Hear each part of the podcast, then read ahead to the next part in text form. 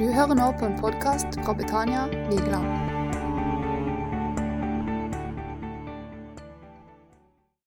Altså, hvis, hvis han skulle behandle meg ut fra, ut fra rettferdighet, så hadde jeg fått en bot for at jeg hadde glemt å ta et sikkerhetsbelte på meg. Du vet. Jeg fortjente, å få, jeg å få et forelegg fordi jeg gjorde noe som var ikke lov. Men politiet lot nåde gå for rett.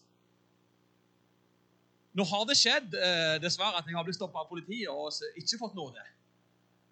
Det har også skjedd. Det er noen som vet at jeg ikke kjører bil akkurat nå for tida. Så det har ikke skjedd hver gang at jeg har fått eh, vist nåde når jeg har blitt stoppa av politiet. Men den gang gjorde det det. Den gang som jeg fortalte om først. Det var en med større autoritet enn meg. Ah, det er greit. Jeg lar nåde gå for rett denne gangen her. Og det er det jeg skal snakke om i dag. Nåde. Og det var så fint med, med han som leder møtet. her. Han innleda jo med dette her, at hver morgen kan vi få oppleve Guds nåde. Og det er kanskje et av de sterkeste ordene som fins. Nåde. Strømmer av nåde.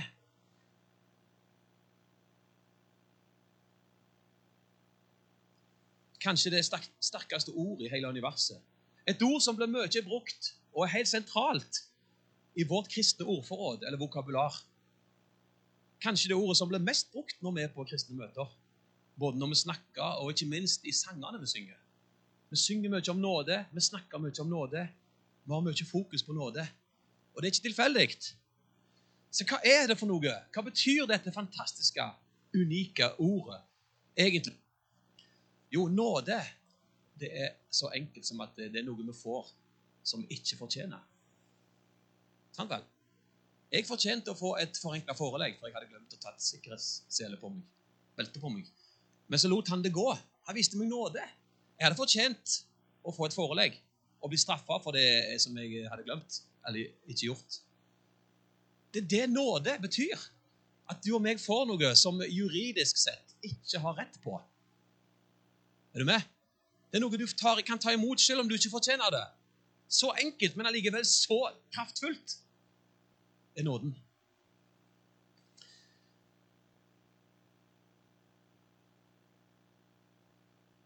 Og vi vet jo at nåde det ble først nødvendig etter at synd kom inn i verden. Allerede helt tilbake i Edens hage, når Adam og Eva trodde skikkelig i salaten og gjorde det som de ikke skulle, så kommer synd inn i verden. Urettferdighet kom inn i verden.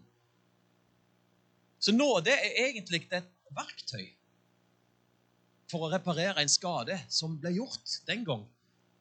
Og for å reparere syndeproblemet vårt til alle mennesker.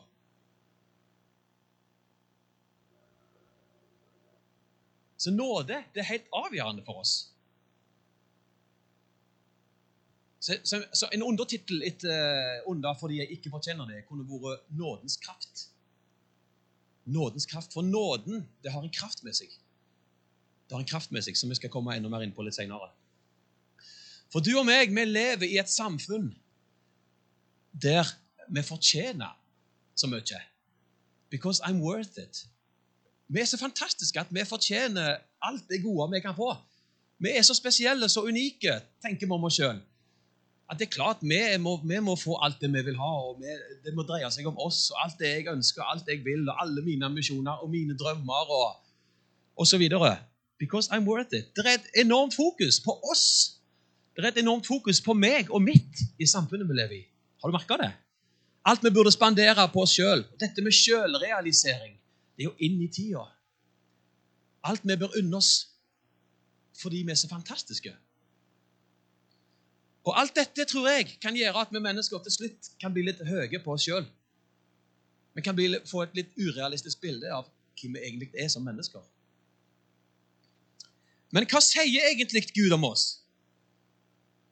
Hva er Guds karakteristikk av meg og deg? Da skal vi få fram noen bibelvers. Romerbrevet 3, kapittel, kapittel 3, vers 10-14. Hold deg fast, for dette er ikke så oppmuntrende lesning. Hva sier Gud om oss?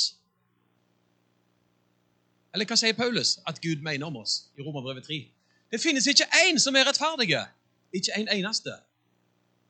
Det finnes ikke én som forstår, ikke én som søker Gud. Fortsetter vi litt.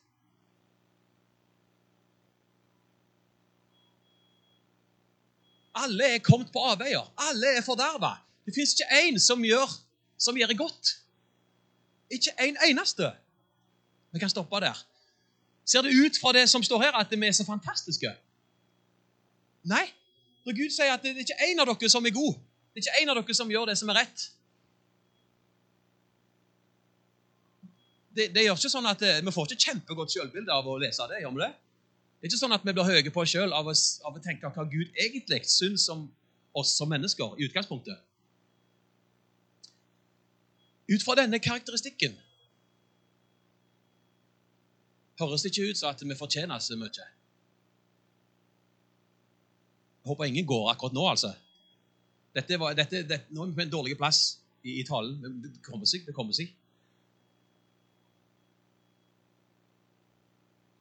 For det er nemlig sånn at uten Gud, uten Jesus, uten Kristus, så har vi ikke så mye å skryte av, egentlig. Det det, og det er det Paulus mener her. Det handler ikke om at Gud ikke elsker oss. Det handler ikke om at vi ikke er spesielle i hans øyne, for det er vi. Gud elsker oss mer enn ord kan si. Han elsker oss med en så høy kjærlighet at han sendte Jesus, sin eneste sønn. Men av syndefallet av alt det, alt det som er negativt, som vi er kapable til å gjøre. Alt det som vi potensielt kan havne opp i som mennesker. Av at vi ikke er perfekte, av syndefallet. Det er den beskrivelsen som står med oss her. Så uten Jesus, uten Gud, så har vi voldsomt lite å skryte av. Og det står i vers 23 Romer 3, 23, kjent vers. Alle har synda og mangler Guds herlighet, står det. Du har gjort det, jeg har gjort det. Det står om oss. Det kunne like godt står at alle har synda og mangler Guds favør, mangler Guds nåde. Utgangspunktet. Eller Guds velsignelse. Altså i utgangspunktet, Fra fødselen har vi alle status som syndere. Som noen som ikke fortjener å ha fellesskap med Gud. Tenk på det. Det er på en måte vår identitet i utgangspunktet. Og vi kan prøve så godt vi bare kan. Vi kan leve så godt og perfekt vi kan få til. Vi kan bli verdensmestere i gode gjerninger osv. Videre, og prøve å pynte på fasaden så mye vi kan. Men vi klarer aldri med all vår anstrengelse å bli noe annet enn syndere i egen kraft. Vi kommer alltid til å bomme på målet og gjøre feil og trø i salaten og si det vi ikke burde si, og gjøre det, gjøre det vi ikke burde si, gjøre, osv. osv. Vi kommer aldri opp til Guds standard i vår egen kraft som mennesker. Vi blir ikke bra nok. Vet du hvorfor loven kom? Det er ti bud og hele loven som det står om i Moses, Mosebøkene. Loven kom for at vi skulle forstå akkurat dette. Loven ble gitt oss for at vi skulle forstå at lista var lagt så høyt at vi klarer ikke å hoppe over uansett hva vi gjør. Loven den, den, viser Guds natur. Og så viser han at vi klarer aldri å komme opp til det nivået som Gud forventer av oss. Det var det som var hensikten med loven, står der. Loven kom for at fallet skulle bli større, står der. For at hver munn skulle bli, skulle, eh, skulle bli lukka. Så loven og bud, lov og krav og bud, kan ikke sette oss fri. Vi klarer ikke å få oss ut i frihet og få oss ut i et harmonisk liv. For Gud har lagt lista altfor høyt for at du og meg skal klare det sjøl. Til og med på vårt beste, for vi svinger jo litt i prestasjonene våre. Vi har jo av og til noen voldsomt dårlige dager, og så har vi voldsomt gode dager. Der vi kan være en bedre versjon av oss sjøl, eller vi kan være en dårlig versjon av oss sjøl. Til og med på vårt beste så klarer vi aldri å være gode nok. Var ikke dette oppmuntrende? Du er ikke god nok. så det å prøve å imponere Gud med våre gode gjerninger Uansett hvor, hvor gode vi måtte prøve å være, så er det egentlig Det holder ikke for han. Han blir ikke imponert av at du og meg prøver å imponere og være god og gjøre gode ting. Hold ut. Det kommer bedre nyheter etter hvert. For hør her. Så når vi som kristne definerer oss sjøl som tilgitt For du er tilgitt når du tror på Jesus. Du er tilgitt for dine synder. Når vi definerer oss som tilgitt, og vi har lov å kalles for nye skapninger til og med For den som er i Kristus, sier Paulus, Efeserbrevet 5, 17 Er det det? Nei, 2. Korinterne 5,17. Der står det at for den som er i Kristus, han er en ny skapning. Amen? Det var litt kjekkere å høre. Ja. Så når vi som kristne kalles for tilgitt, vi kalles for nye skapninger, og erklære, Gud har erklært oss for rettferdige. Vi er rettferdiggjort. Vi er rettferdige i hans øyne. Det er et fantastisk budskap. Og vi er hellige og feilfri i Guds øyne når vi tror på Jesus. Men det har ingenting med meg eller deg å gjøre. Det har med hva Jesus har gjort for oss. Som møtelederen var inne på, vi kan ta imot Guds nåde hver dag. Vi kan glede oss over Guds nåde hver dag, sa han faktisk. For det er nåden som gjør at vi er rettferdige. Det er nåden som gjør at vi er hellige. Det er nåden som gjør at vi er feilfri i Guds øyne. Vi er ikke feilfri i livet vårt i hverdagen. Iallfall ikke jeg. Langt ifra feilfri. Men jeg kan, jeg kan være takknemlig for at han er feilfri. Og Jesus er feilfri. Han er den rettferdige. Og den rettferdige har flytta inn i mitt liv. Og den rettferdige har flytta inn i deg. Derfor kan du erklære deg for rettferdige. Ikke pga. alle de gode tingene du gjør, men pga. de gode tingene Gud har gjort. Amen. Det er evangeliet. Og det er evangeliet som setter oss fri. Det er de gode nyhetene om Jesus, og det er sannheten som setter oss fri. Den sannheten vi kjenner. Amen. Da leser vi fra Efeserbrevet, kapittel 2. I sammen. 2, vers 4-8. Men Gud Dette er fantastisk. Men Gud er rik på barmhjertighet. Fordi Han elsket oss med så stor en kjærlighet, gjorde Han oss levende med Kristus. Vi som var døde på grunn av våre misgjerninger eller synder. Av nåde er dere frelst. I Kristus Jesus har Han reist oss opp fra døden sammen med ham og satt oss i himmelen med ham. Dette er, dette er dype og sterke ting som er vanskelig å forstå. egentlig. Slik ville han i de kommende tider vise hvor overstrømmende rik han er på Kan du si det? Han er på på nåde. Og hvor god han er mot oss. Og hvorfor er han god mot oss? Han er god mot oss på grunn av Jesus. For av nåde er dere frelst. Ved tro. Det er ikke deres eget verk men Guds gave. Ser du den kraften som finnes i nåden? Vi fortjente ikke Guds tilgivelse. Vi fortjente ikke å bli nye skapninger. Vi fortjente ikke tilgivelse. Men vi fikk det på grunn av Han viste oss nåde. Amen. Av Hans nåde så kan vi kalle oss rettferdige. Erklære oss sjøl for rettferdige. I Jesus. I Kristus.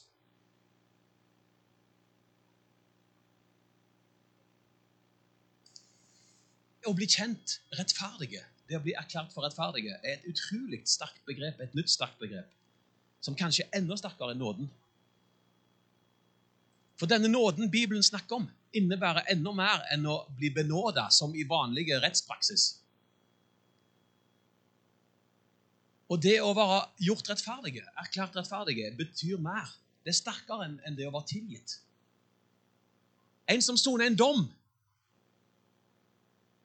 en rettmessig dom for noe han har gjort, kan forkorte ned straffen sin.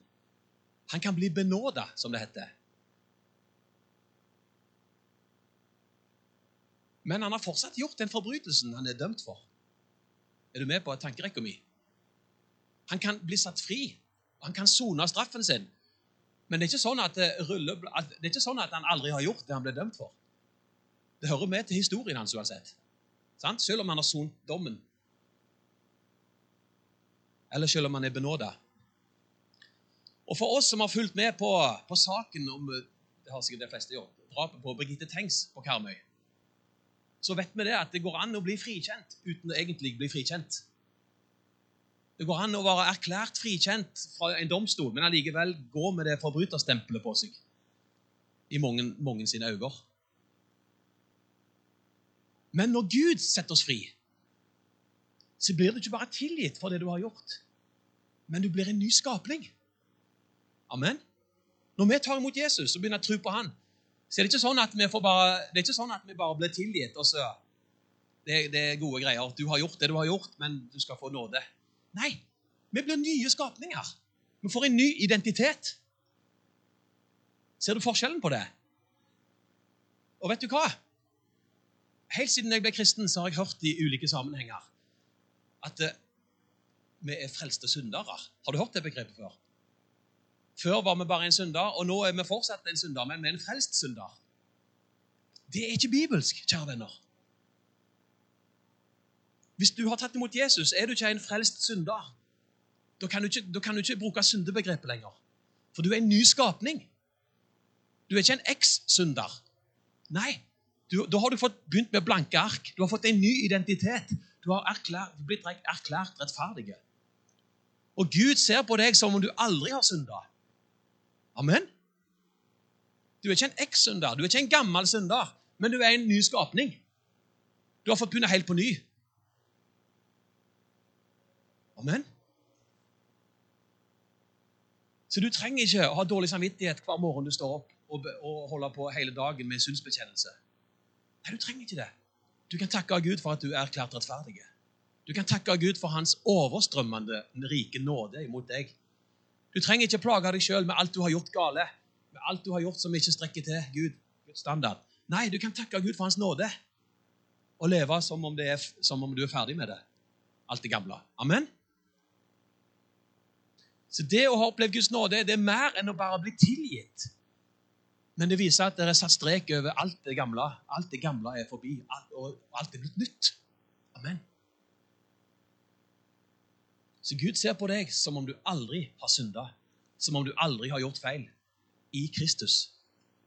Det er din nye identitet. I Kristus. Du er erklært rettferdig.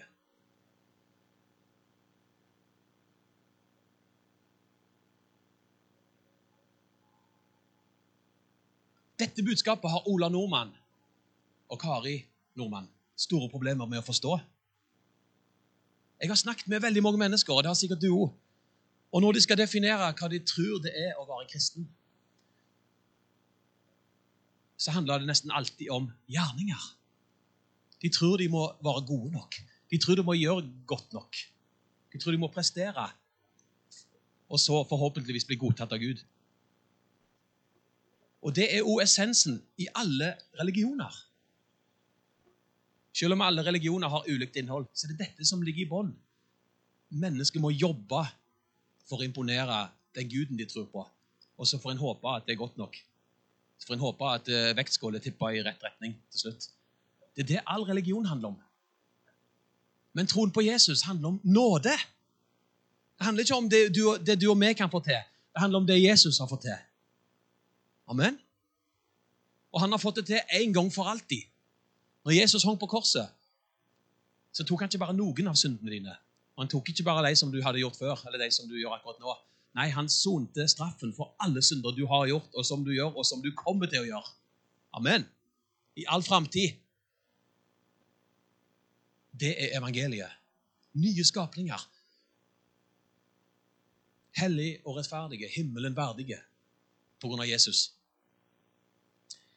Og dette med å prestere og gjøre en innsats for så å få lønn for det, det er noe som ligger innebygd i oss mennesker, tror jeg. Det er, det er sånn vanlig logisk tenkning.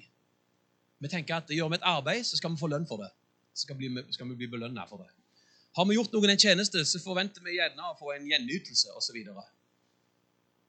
Men i Feserbrevet 2,8, for å gjenta det, der står det av nåde er dere frelst.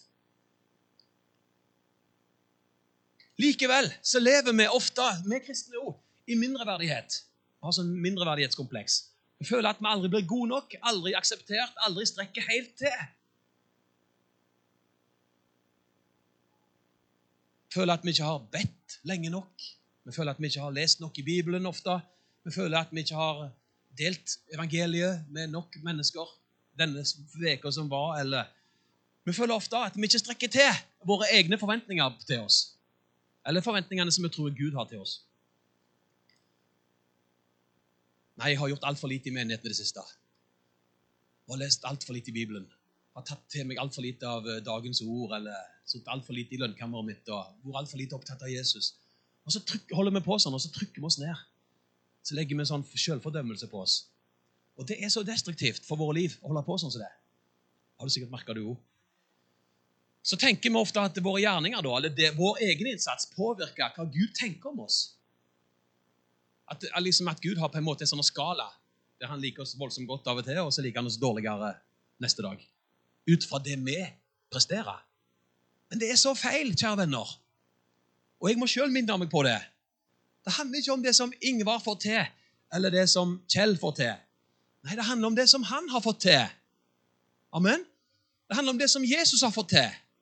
Det er han det handler om.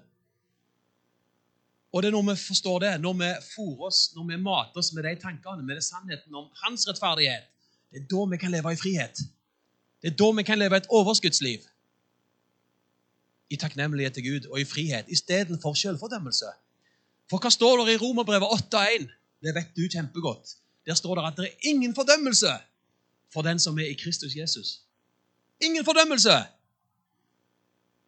Og det gjelder like mye på din verste dag, på din dårligste dag, som på din beste dag. For det handler ikke om deg og meg, det handler om Han. Amen. Så det er så viktig at det fundamentet vi står på i kristenlivet, at det er Guds nåde og ikke det som vi klarer å prestere.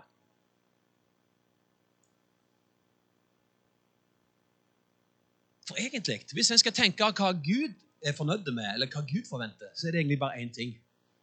Han er bare fornøyd med én ting, og det er, det er det som Jesus gjorde. Hans egen sønn. Det er det som tilfredsstiller Gud. Og når vi er flytta inn i Jesus, og han er flytta inn i oss, så blir vi like rettferdige, like hellige, for samme statusen som Jesus i Guds øyne.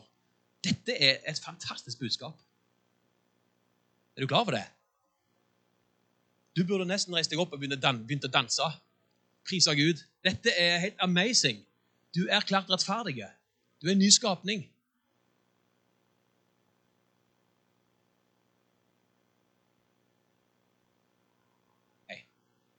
Men det at alt er av nåde, at frelsen av nåde, tilgivelse av nåde, Betyr det at eh, gjerninger ikke betyr noe? Er det det det betyr? Nei. Det står mye om gjerninger i Bibelen. Paulus snakker om gjerninger. Jakob snakker om gjerninger. Det står masse om gjerninger. Jesus snakker om gjerninger. Så det er ikke frelse i gjerninger. La det være helt klart, med mange streker under svaret. Men det fins gjerninger i frelsen. Men er du med på den? Det finnes ikke frelse i gjerninger, men det finnes gjerninger i frelsen. Gjerninger det blir en naturlig konsekvens av at når vi forstår Guds kjærlighet mot oss, når vi forstår hvor høyt vi er elska, når vi forstår hvor mye vi er tilgitt, når vi forstår at vi er erklært rettferdige, så påvirker det livene våre til å gjøre godt mot andre. Gjør det ikke det? Hvis jeg forstår hvor mye jeg er tilgitt, hvis jeg forstår hva status jeg har i Guds øyne, så gjør det noe med sånn som jeg ser på andre. Det gjør noe med sånn som jeg oppfører meg mot andre. Det gjør noe med så, måten jeg snakker på til andre. Gjør det ikke det?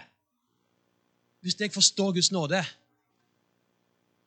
så blir det blir en konsekvens at jeg har lyst til å gjøre Guds vilje. At jeg har lyst til å gjøre, leve for Han. At jeg har lyst til å gi Han mitt hjerte og mitt liv. Gir det mening? Amen. Så flott. Så gjerninger er viktig, men det kan ikke bygges på som et fundament. Det er ikke et grunnlag for frelse, men det er en naturlig konsekvens av at du og meg kjenner Jesus. At vi lever i lag med han. Så er gjerninger, at, vi, at det skjer noe med oss, det er en naturlig konsekvens. Amen. Det har faktisk noe å si hvordan du lever livet ditt. Selv om selv om fundamentet er nåde, så har det noe å si hvordan du forvalter tida di. Det har noe å si hvordan du forvalter din økonomi. Det har noe å si hvordan måten vi er mot andre på. Det har noe å si hvordan du behandler din kollega på jobben. Det betyr noe hvordan du behandler naboen din. Er du med? Men alt dette gjør vi ikke for å fortjene Guds nåde og favør. Nei, vi gjør det for at vi har opplevd Guds nåde og favør. Så det er egentlig motsatt.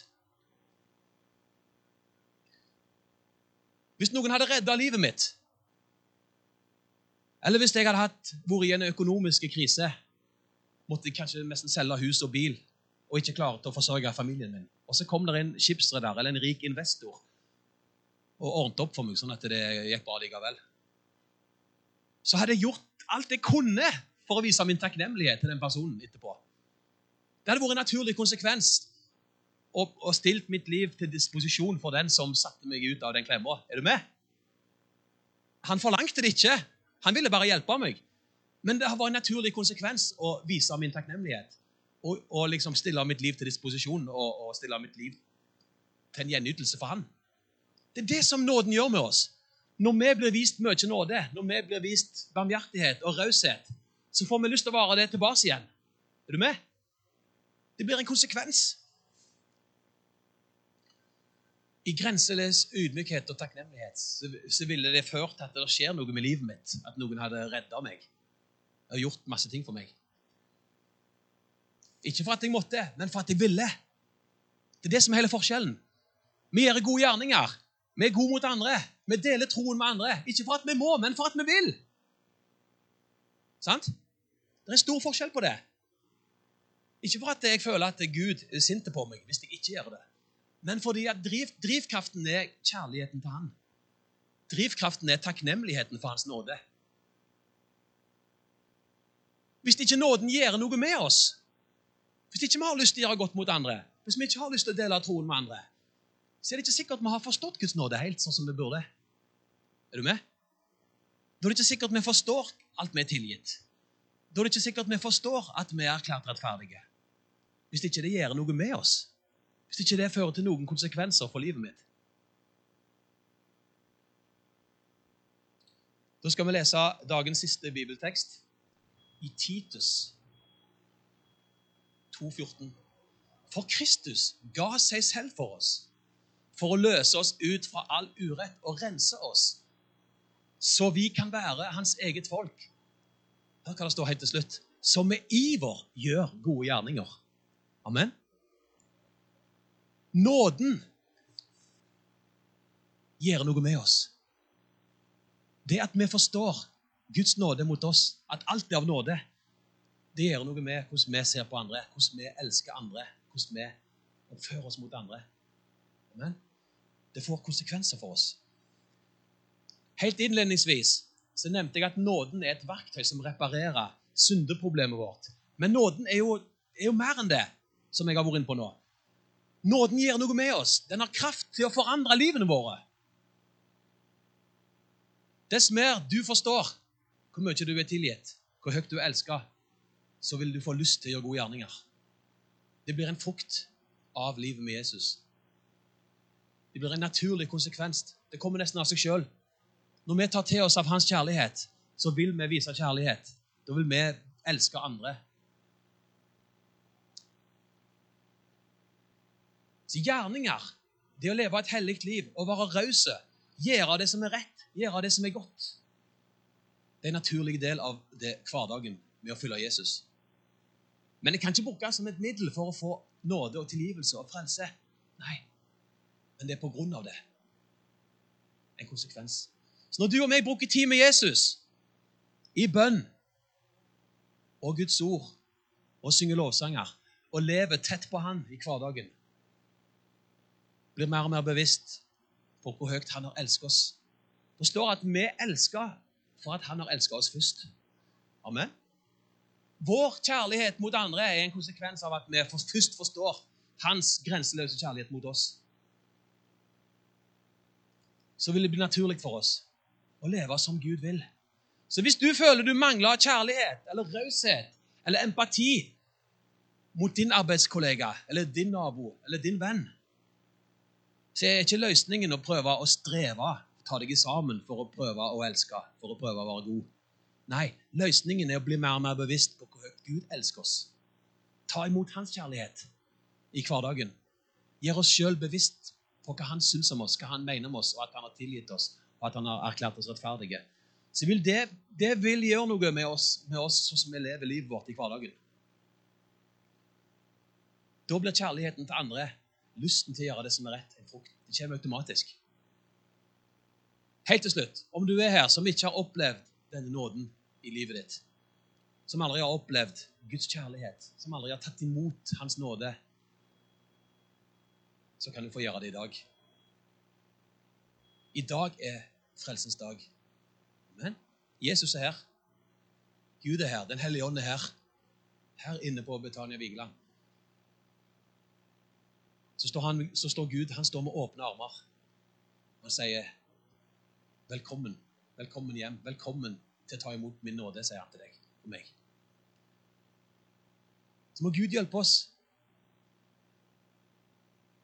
at vi forstår og til å bli bevisste på at alt handler om Guds nåde, så at vi kan få leve i frihet og stå på det fundamentet hver eneste dag.